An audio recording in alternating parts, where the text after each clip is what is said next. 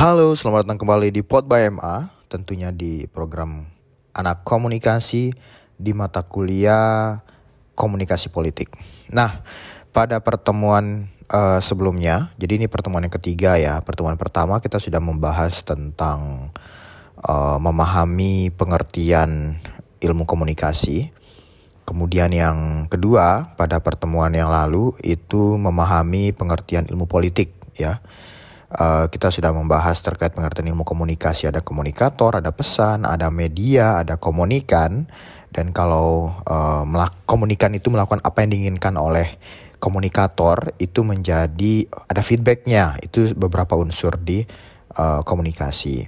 Kemudian kalau berbicara terkait ilmu politik ya pada pertemuan yang lalu, maka kita berbicara tentang hajat banyak untuk orang-orang dan itu tujuannya adalah uh, untuk mensejahterakan, untuk membuat uh, nyaman, ya. Ini cita-cita yang agung ya tentang ilmu politik itu sendiri kepada masyarakat-masyarakat. Nah, jadi kepada masyarakat, nah masyarakat ini karena mereka berada dalam sistem-sistem, ya sistem tentunya sistem pemerintahan, sistem kenegaraan kayak gitu ya. Mereka juga harus patuh dan harus mengikuti juga sistem-sistem yang ada. Nah, sistem inilah yang mengatur uh, masyarakat itu. Ada berhubungan dengan negara, ada berhubungan dengan kekuasaan itu sendiri, kemudian uh, ada yang uh, membuat kebijakan gitu ya. Kemudian ada yang uh, berhubungan dengan uh, penentuan publik, ada juga berhubungan dengan uh, apa itu? Uh, transformasi ya. Kemudian adanya penyampaian-penyampaian hak-hak atau suara-suara dari masyarakat kepada uh, pemerintah dan bagaimana pemerintah itu juga melakukan beberapa program-program untuk masyarakat itu sendiri. Yang tujuannya adalah uh, utamanya yaitu adalah agar bisa mengatur masyarakat-masyarakat ini, agar bisa mengatur orang-orang yang banyak ini ya, sehingga menjadi sejahtera, menjadi bahagia. Karena kalau secara individu dia misalkan nih ingin memenuhi kebutuhan sehari-harinya saja, mungkin bisa gitu. Tapi kalau misalkan mereka berhubungan dengan orang, orang banyak gitu. Tentunya ada sistem juga di dalam situ. Nah, sistem inilah yang diatur oleh kekuasaan yang berhubungan juga dengan politik itu sendiri. Nah, pada pertemuan kali ini kita akan uh, membahas kalau dicek silabus ya uh, di materi yang saya akan berikan.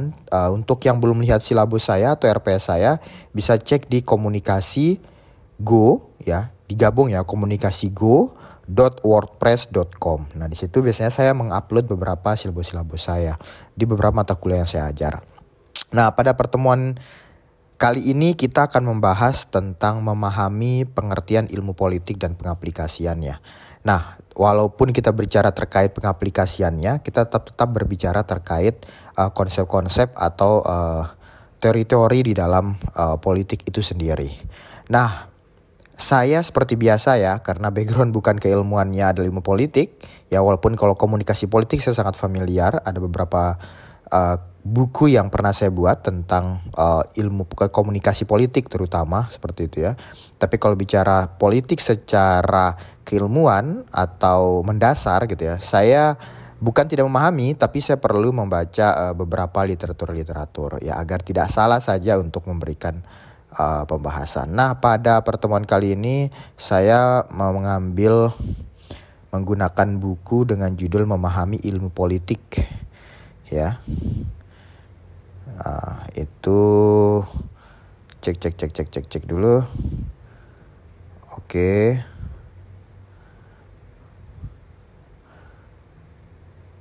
Oke. Ya.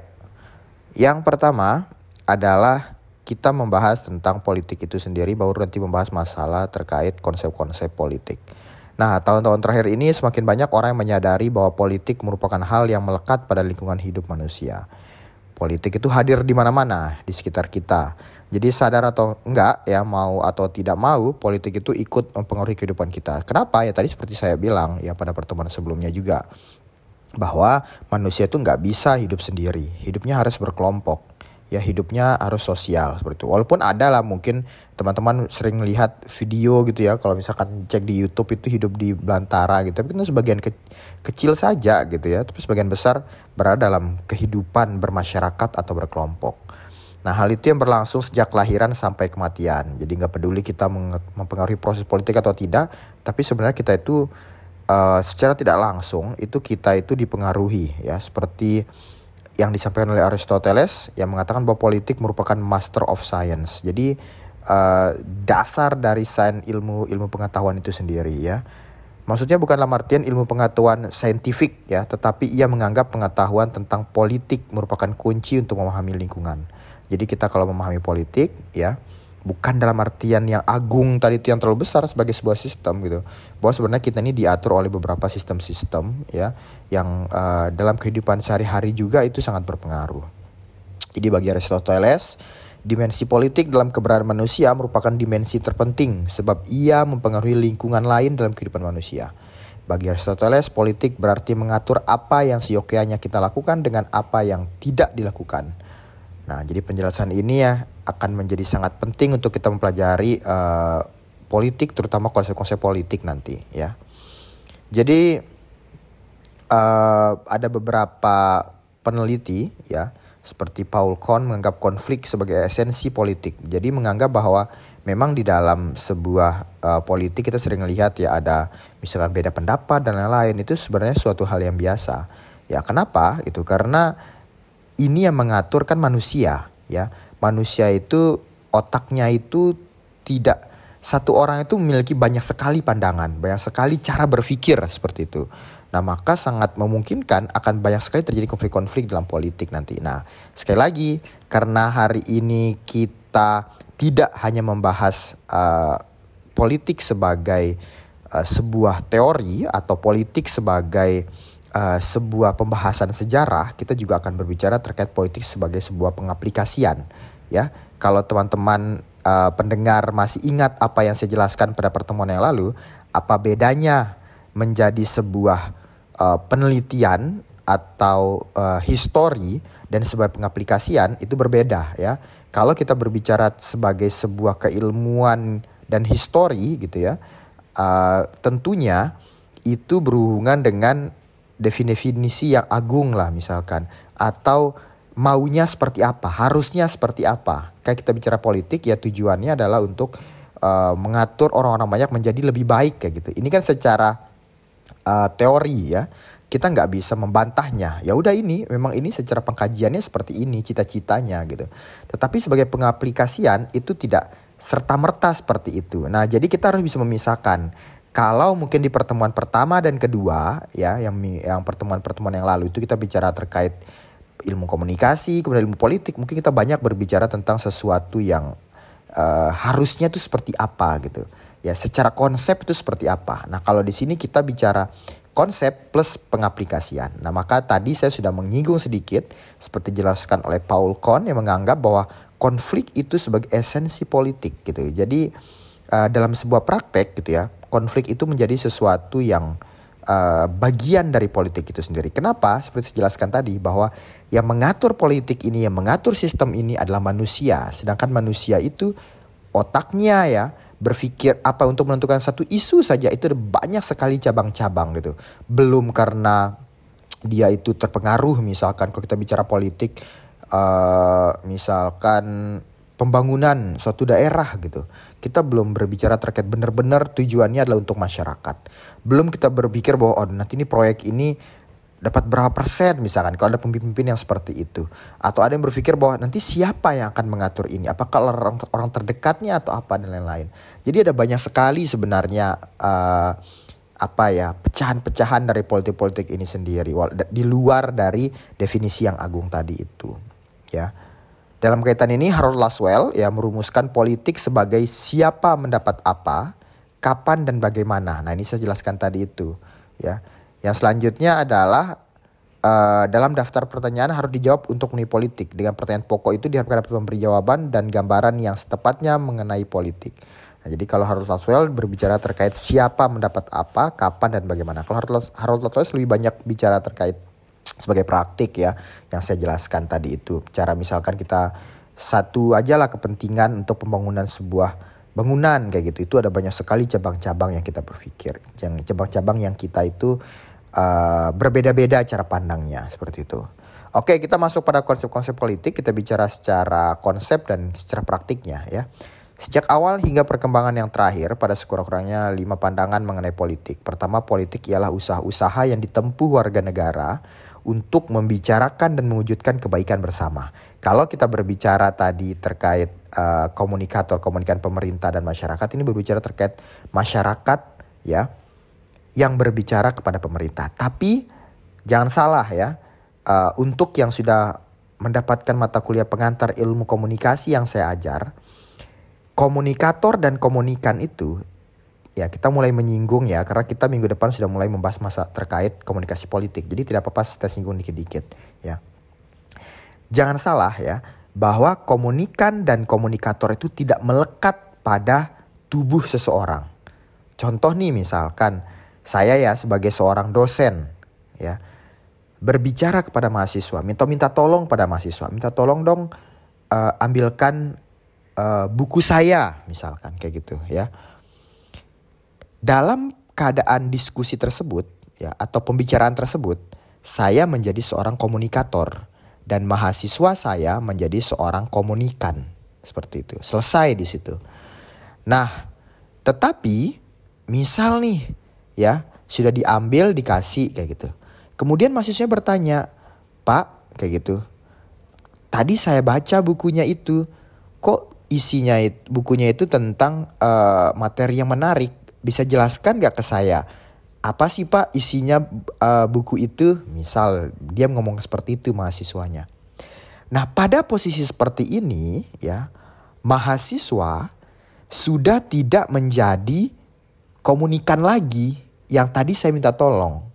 Tapi pada posisi ini mahasiswa menjadi komunikator yang meminta saya untuk menceritakan apa isi dari buku itu.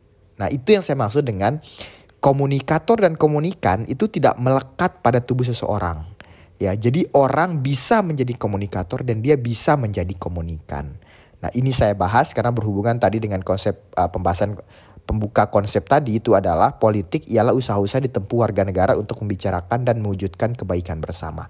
Dalam artian ketika dia bisa bertemu misalkan dengan pemerintah gitu ya atau dengan wakil rakyatnya, si masyarakat ini bisa menjadi bisa saja menjadi komunikator. Ketika prosesnya itu adalah misalkan bertanya atau berkomunikasi, ada pesan yang ingin disampaikan, misalkan seperti itu. Oke, paham sampai sini ya. Yang kedua, politik ialah segala hal yang berkaitan dengan penyelenggaraan negara dan pemerintahan. Ya, itu kita sudah bahas juga di tersinggung pada uh, apa namanya itu pertemuan yang lalu ya. Bagaimana berhubungan dengan kuasa state gitu ya. Kemudian mengatur terkait regulasi kemudian bicara masalah kebijakan dan lain-lain. Yang ketiga politik sebagai segala kegiatan yang diarahkan untuk mencari dan mempertahankan kekuasaan dalam masyarakat. Ini kalau kita berbicara terkait misalkan sudah dalam mendekati uh, pemilihan legislatif atau pilkada gitu ya. Bagaimana mereka uh, agar kekuasaannya itu tetap uh, terjaga gitu. Ada cara-cara yang dilakukan. Yang keempat, politik sebagai kegiatan yang berkaitan dengan perumusan dan pelaksanaan kebijakan umum. Nah, dalam proses pembuatan kebijakan misalkan siapa yang membangun sebuah bangunan pemerintahan publik aja ya publik misalkan atau bagaimana sebuah jalan itu dibuat gitu atau bagaimana aturan-aturan tentang harga barang itu ditentukan. Itu kan ada pemerintah maka ini berhubungan dengan politik juga di dalamnya. Itu yang keempat tadi ya terkait perumusan dan pelaksanaan kebijakan publik. Yang kelima adalah politik sebagai konflik dalam rangka mencari dan atau mempertahankan sumber-sumber yang dianggap penting ya. Nah jadi itu yang saya jelaskan tadi itu ya terkait bagaimana uh, konflik juga menjadi satu bagian dalam konsep-konsep politik itu sendiri.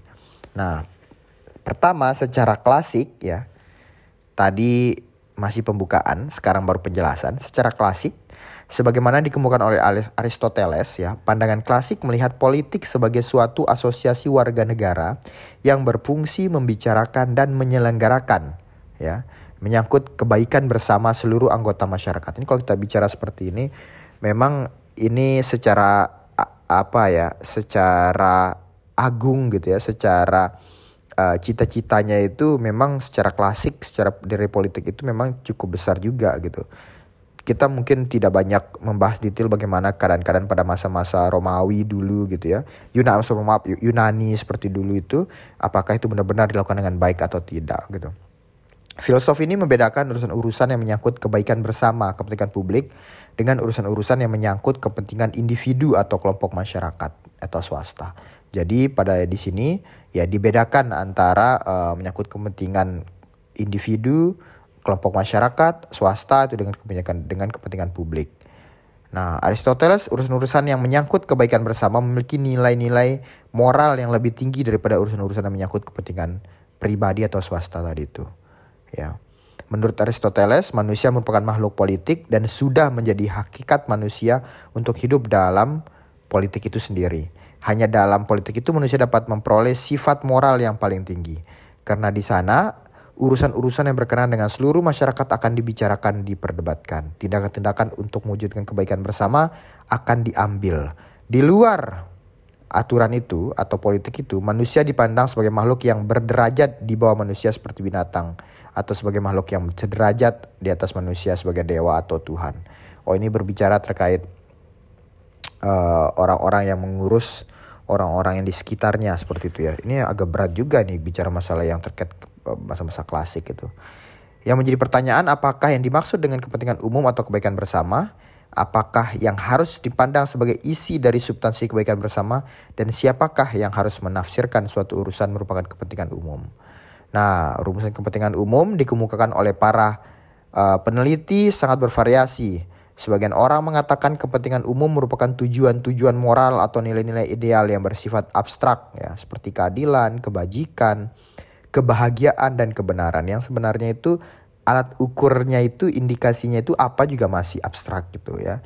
Sebagian lagi merumuskan kepentingan umum sebagai keinginan orang banyak sehingga mereka membedakan general will atau keinginan orang banyak atau kepentingan umum dari will of all, keinginan banyak orang. Ya, jadi kepentingan umum atau keinginan banyak orang. Ya, ini berbeda ya. Kalau keinginan atau atau kepentingan umum gitu ya itu berhubungan dengan uh, si sistem ini atau si pemerintah ini membuat sebuah kepentingan yang benar-benar dari analisa itu adalah kepentingannya dari dia sendiri. Kalau kepentingan banyak orang itu belum tentu ya itu kumpulan keinginan orang-orang yang apa banyak orang. Jadi misalkan ada kelompok-kelompok yang menginginkan segala sesuatu kemudian dibuatkan uh, sebuah aturan gitu. Biasanya ini LSM LSM banyak bekerja di sini, lembaga swadaya masyarakat. Mereka uh, ingin ada misalkan hak-hak uh, pekerja itu di uh, apa ya dijaga atau diperhatikan maka itu dibuatkan sebuah aturan-aturan dari situ berbeda juga dengan dengan kalau yang kepentingan umum itu uh, si komunikatornya itu adalah pemerintah itu sendiri. Nah, kalau kepentingan kumpulan orang banyak itu bisa jadi LSM-nya itu atau bisa jadi kumpulan masyarakat itu yang menjadi komunikatornya. Sementara itu ada yang merumuskan kepentingan umum sebagai kepentingan golongan mayoritas. Ya, peneliti politik kontemporer Samuel P. Huntion melukiskan kepentingan umum secara singkat sebagai kepentingan pemerintah karena lembaga pemerintah dibentuk untuk menyelenggarakan kebaikan bersama. Ini adalah kepentingan umum yang saya jelaskan tadi itu ya. Jadi pemerintah si komunikatornya. Konsep politik merupakan pandangan klasik itu tampak sangat kabur. Ketidakjelasan ini akan menghadapkan kita kepada kesukaran dalam menentukan patokan. Kepentingan umum ini ya, namun suatu hal yang patut mendapatkan perhatian dari pandangan klasik berupa penekanan yang diberikan pada apa yang seharusnya dicapai demi kebaikan bersama. Nah, jadi dalam pengertian politik terkandung tujuan dan etik masyarakat yang jelas. Berpolitik ialah membicarakan dan merupuskan tujuan-tujuan yang hendak dicapai dan ikut serta dalam upaya mengejar tujuan bersama. Ya, itu yang uh, pada masa-masa klasik waktu itu. Nah, kemudian secara kelembagaan, pandangan ini melihat politik sebagai hal yang berkaitan dengan penyelenggaraan negara. Dalam hal ini, Max Weber merumuskan negara sebagai komunitas manusia yang secara sukses memonopoli penggunaan paksa fisik yang sah dalam wilayah tertentu. Max Weber ini agak kritis juga uh, dalam pandangannya.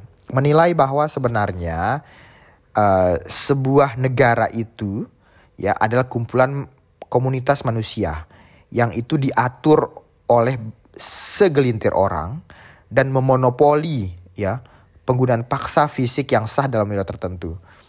Maka ini banyak pertentangan gitu ya. Misalkan, aduh saya nggak butuh fasilitas ini kok tiba-tiba ada gitu. Wah bisa jadi alasannya mereka ya ini karena uh, kepentingan banyak orang.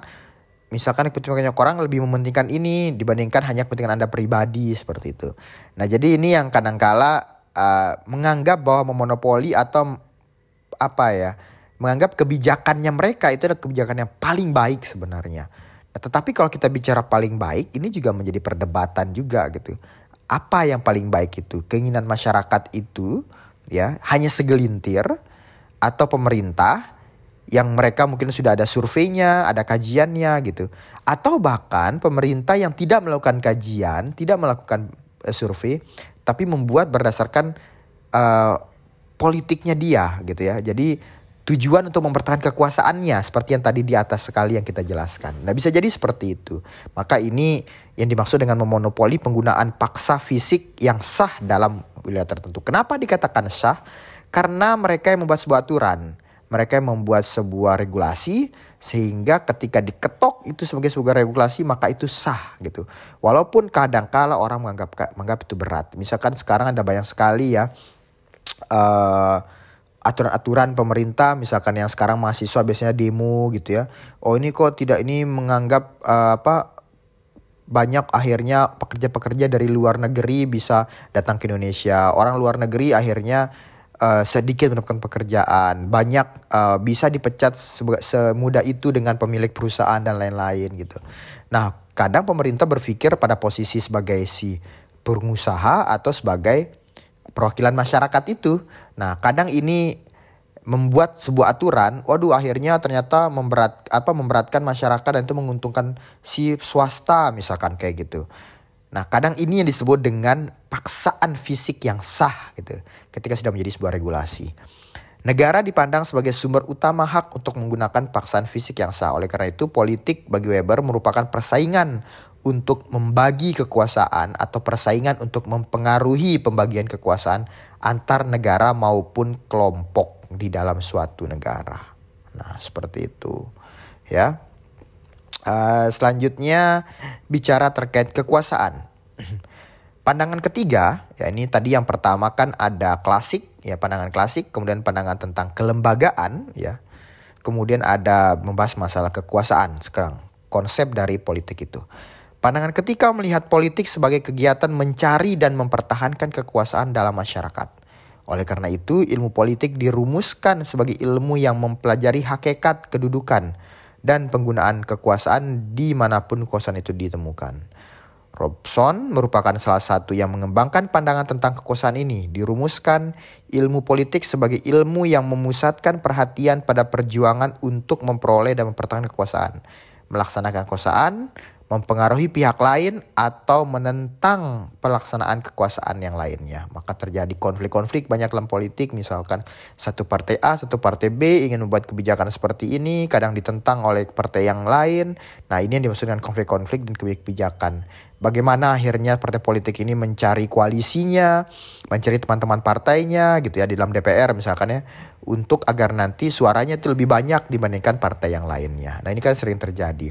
Saya berbicara seperti ini di dalam kelas ini menganggap posisi teman-teman mahasiswa paham ya dengan keadaan uh, politik minimal sedikit saja minimal terkait DPR saja gitu ya bagaimana kerja DPR bagaimana kerja pemerintah ya.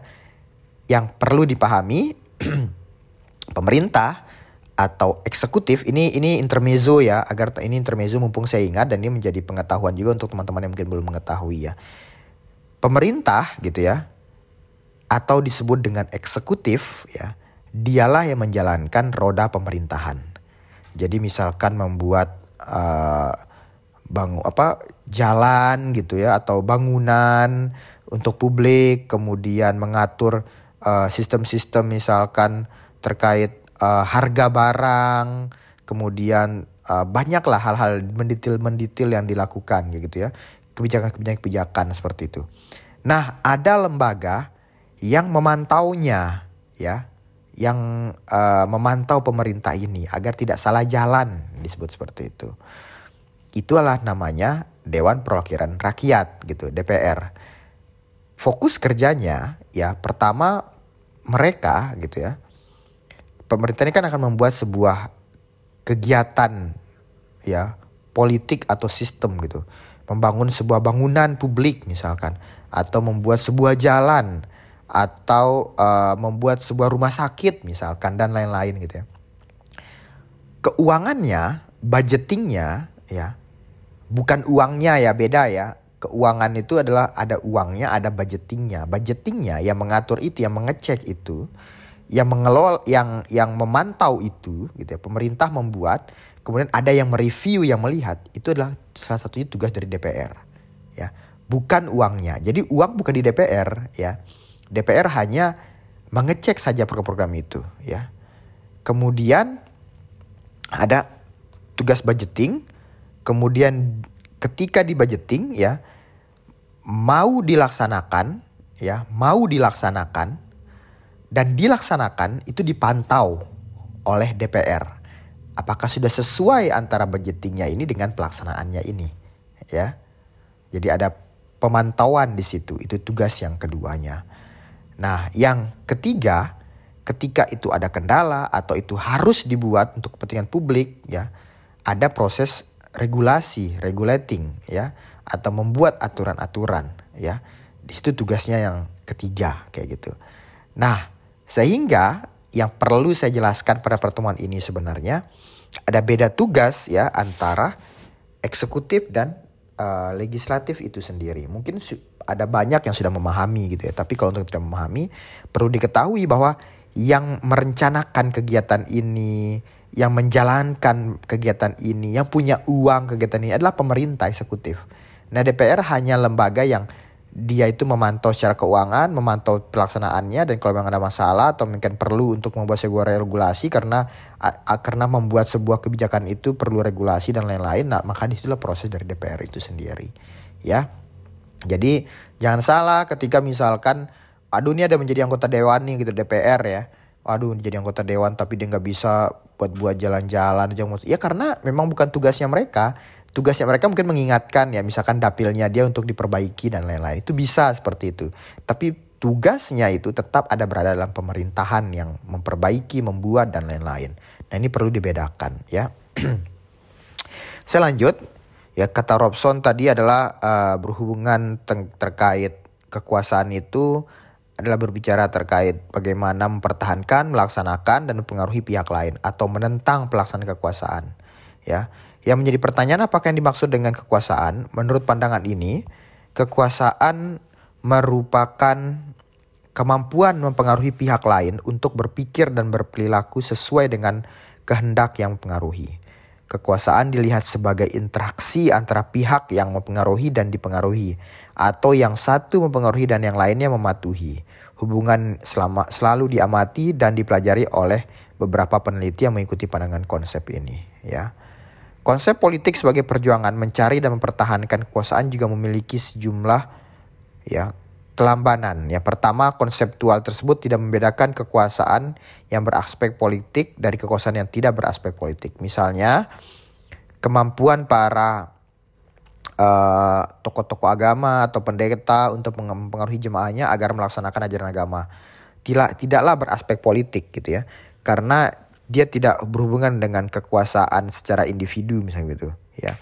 Hal ini karena mendistribusikan nilai-nilai, melainkan menya, apa yang didistribusikan itulah nilai-nilai yang menyangkut lingkungan, tidak menyangkut lingkungan masyarakat yang lebih uh, luas atau ini hanya terbatas. Namun apabila konseptualisasi diikuti maka kemampuan para pemimpin agama untuk mempengaruhi cara berpikir dan perilaku anggota jemaat termasuk dalam kategori kegiatan politik. Ya, contoh misalkan ada beberapa lembaga agama sekarang ada partai politiknya dan lain itu sudah di luar dari uh, tujuannya misalnya tugasnya itu mempertahankan kekuasaannya dengan cara-cara seperti membentuk partai dan lain-lain. Tapi kalau untuk uh, menjalankan norma-norma agamanya atau perintah ajaran agamanya itu di luar dari uh, politik itu sendiri. Menurut kajian kajian-kajian dari ilmu politik ini ya. Yang kedua, kekuasaan hanya salah satu konsep dalam ilmu politik. Selain kekuasaan, ilmu politik masih memiliki konsep-konsep yang lain. Seperti kewenangan, legitimasi, konflik, konsensus kebijakan umum, integrasi politik dan ideologi. Jadi politik ya sebagai kegiatan mencari dan mempertahankan uh, kekuasaan merupakan konseptualisasi yang terlalu luas dan kurang tajam. Ya. Tetapi ini perlu dicatat dalam uh, kajian-kajian ilmu politik. Yang selanjutnya ya tadi yang pertama saya ulangi lagi kita membahas terkait uh, kelembagaan. Eh sorry terkait klasik ya. Memahami konsep politik dari klasik kemudian yang kedua kelembagaan tadi. Kemudian yang ketiga itu adalah uh, kekuasaan. Dan yang keempat adalah fungsionalisme. Fungsionalisme memandang politik sebagai kegiatan yang merumuskan dan melaksanakan kebijakan umum ya secara fungsi menyimak dari menyim, menyimpang dari pandangan kelembagaan De, saat ini para peneliti memandang politik dari kacamata fungsional. Menurut mereka politik merupakan kegiatan para elit politik dalam membuat dan melaksanakan kebijakan umum. Nah, di antara para ilmuwan politik yang menggunakan uh, kacamata fungsional ini ialah David Eston dan Harold Laswell. Eston merumuskan politik sebagai uh, alokasi nilai-nilai secara otoritatif ya. Berdasarkan kewenangan, oleh karena itu mengikat untuk suatu masyarakat. Oleh karena itu yang digolongkan sebagai perilaku politik berupa kegiatan yang mempengaruhi yaitu mendukung, mengubah, menentang proses pembagian dan penjatahan nilai-nilai dalam masyarakat. Ini hampir kalian kajian politik ya, secara eh kajian kritis maksud saya, secara uh, fungsional. Fungsinya harusnya seperti apa itu fungsional.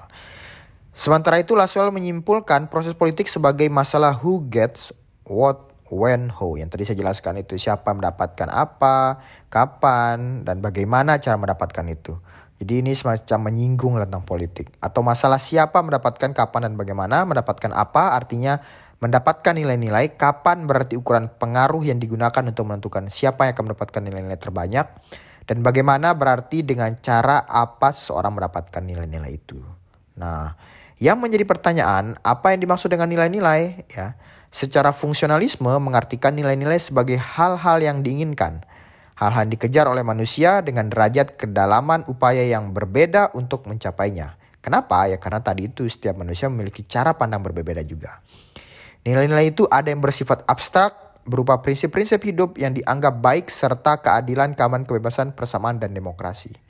Kepercayaan kepada Tuhan, kemanusiaan, kehormatan, dan nasionalisme. Ya, di samping bersifat, abstrak yang tadi saya jelaskan itu, ada pula nilai-nilai bersifat konkret seperti pangan, sandang ya kayak tadi ya pen, bagaimana ada harga-harga barang, kemudian bagaimana cara agar itu bisa disediakan di tengah masyarakat dalam kelangkaan-kelangkaan dalam Covid ini misalkan ya sekarang posisinya lagi Covid tahun 2021 ya. Uh, bagaimana itu disediakan di tengah-tengah masyarakat ya perumahan, fasilitas kesehatan, fasilitas pendidikan, sarana perhubungan, komunikasi dan rekreasi misalkan. Nah, jadi nilai-nilai berupa kebutuhan ideal spiritual ya. Ada pula yang bersifat material jasmaniah. Nilai-nilai yang abstrak dan konkret itu dirumuskan dalam bentuk kebijakan umum yang dibuat dan dilaksanakan oleh pemerintah. Jadi kegiatan mempengaruhi pemerintah dalam merumuskan dan melaksanakan kebijakan umum berarti mempengaruhi pembagian dan penjatahan nilai-nilai secara otoritatif untuk suatu masyarakat. Nah, seperti itu. Ya. Dan yang terakhir yaitu adalah konflik, ya. Menurut pandangan ini, kegiatan untuk mempengaruhi proses perumusan dan pelaksanaan kebijakan umum tidak lain sebagai upaya untuk mendapatkan dan atau mempertahankan nilai-nilai. Dalam perjuangan upaya itu sering kali terjadi perbedaan pendapat, perbedaan, persaingan, bahkan pertentangan yang bersifat fisik di antara berbagai pihak. Dalam hal ini, ya antara pihak yang berupaya mendapatkan nilai-nilai dan mereka yang berupaya keras mempertahankan apa yang selama ini telah mereka dapatkan. Antara pihak yang sama-sama berupaya keras untuk mendapatkan nilai-nilai yang sama dan pihak yang sama-sama mempertahankan nilai-nilai yang sama ini untuk mereka kuasai. Nah, jadi apa ya? Kita bicara politik baca berarti kita bicara terkait konflik juga. Kenapa? Karena tadi balik lagi ya bahwa isi kepala orang itu berbeda. Isi tujuan agenda politik dari partai-partai itu berbeda isi tujuan dari agenda-agenda politik dari pemerintahan itu berbeda-beda. Nah, sehingga ini pasti akan ada politik. Mana yang benar, mana yang salah, kita tidak lagi membicarakan mana yang benar, mana yang salah. Kenapa? Gitu. Karena kadangkala kebenaran itu atau kesalahan bisa jadi itu sebuah kesalahan ya dalam uh, cara pandang kita misalkan sebuah kebijakan itu ternyata mengorbankan masyarakat itu salah gitu. Tapi ketika dia diketok menjadi sebuah regulasi itu menjadi sebuah kebenaran. Ya, karena itu menjadi sebuah aturan. Ya, ketika itu dilanggar, walaupun yang kita langgar itu adalah hak, -hak kita sebenarnya sebagai pemilik misalkan ada sebuah lahan yang itu kita yang mengelola, kita yang mengerjakan dan lain tiba-tiba ada orang yang mengaku itu punya dia, ada hak suratnya, ada lain-lainnya. Walaupun secara uh, apa ya realitas itu milik kita, tapi secara hukum, secara regulasi itu bukan lagi milik kita gitu. Maka kita sudah salah di situ. Nah itu yang saya maksud dengan kadangkala konflik itu terjadi itu karena ada pertentangan yang siapa yang memegang kuasa itu dia membuat sebuah regulasi itu menjadi sebuah kebenaran. Maka kita tidak berbicara terkait kebenaran dan kesalahan di sini. Karena kebenaran itu bisa dibuat ya dari regulasi-regulasi yang sudah ada. Oke, para pendengar Pot BMA di mata kuliah komunikasi politik kita sudah membahas terkait konsep-konsep uh, politik yang tadi sambil saya jelaskan tentang prakteknya bagaimana uh, di tengah masyarakat ya. Yang pertama ada dari segi klasik, kemudian kelembagaan, yang ketiga berbicara terkait kekuasaan, selanjutnya yang terakhir eh sorry sorry tadi kok kayaknya hanya empat ya klasik, kemudian kelembagaan, kemudian uh, kekuasaan, fungsionalisme ya tadi kelewatan fungsionalisme ya. Yang terakhir adalah konflik. Dan pada minggu Selanjutnya atau pertemuan selanjutnya kita akan mulai masuk terkait komunikasi politik ya. Uh, jadi pertemuan yang uh, materi pertama, materi kedua, materi ketiga ini bisa masih bicara terkait konsep-konsep dan terpisah antara komunikasi dan politik itu sendiri. Nah, di pertemuan selanjutnya kita akan detail membahas tentang komunikasi politik. Dan terima kasih sudah mendengarkan Pod by MA tentunya di program anak komunikasi di mata kuliah komunikasi politik. Wassalamualaikum warahmatullahi wabarakatuh. Yo.